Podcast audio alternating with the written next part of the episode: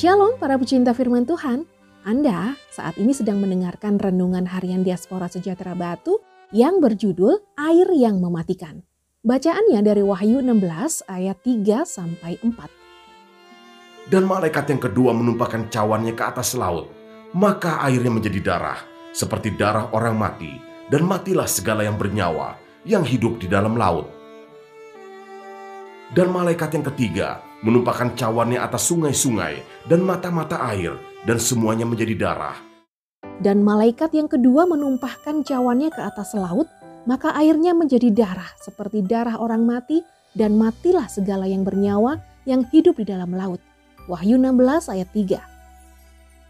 Yesus pernah berkata bahwa dia adalah air yang memberi kehidupan bagi siapa saja yang meminumnya. Sehingga setiap orang yang percaya kepada Yesus mendapatkan kehidupan kekal setelah kematian secara fisik. Selain itu, ketika seseorang memahami dan mengikuti ajaran-ajaran Tuhan, mereka juga bisa menikmati pribadi dan berkat Allah dalam segala kelimpahan selama hidup di dunia. Dalam bacaan saat ini, Rasul Yohanes diberi penglihatan, yaitu air yang menjadi darah dan mengakibatkan kematian. Hal ini menunjuk kepada pengajar-pengajar palsu dengan ideologinya yang menyesatkan dan menyebabkan kematian rohani. Ajaran-ajaran tersebut masuk ke dalam gereja Tuhan dan mengaburkan ajaran Tuhan melalui tipu daya dari si jahat. Sejarah gereja mencatat banyak pengajar palsu yang berusaha mengecoh ajaran yang benar. Serentus dan Gnostik telah mengajarkan ajaran palsu pada gereja Tuhan di abad mula-mula. Arius pernah mengajarkan bahwa firman Allah adalah ciptaan dan akhirnya ajarannya dibahas dalam salah satu agenda konsili di Nikea. Tidak hanya itu, masih banyak ajaran-ajaran palsu lain yang merusak keaslian ajaran gereja. Dan untuk membentengi ajaran primer gereja, Tuhan memakai orang-orang pilihannya. Pada zaman ini, masih banyak ajaran palsu yang berusaha merusak ajaran primer gereja.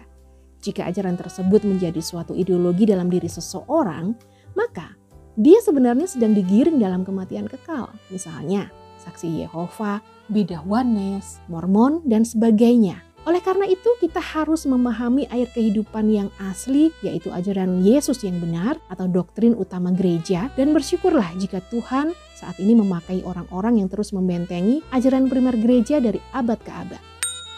Tetapi kuduskanlah Kristus di dalam hatimu sebagai Tuhan, dan siap sedialah pada segala waktu untuk memberi pertanggungan jawab kepada tiap-tiap orang yang meminta pertanggungan jawab dari kamu tentang pengharapan yang ada padamu, tetapi haruslah dengan lemah lembut dan hormat. 1 Petrus 3 ayat 15. Tuhan Yesus memberkati.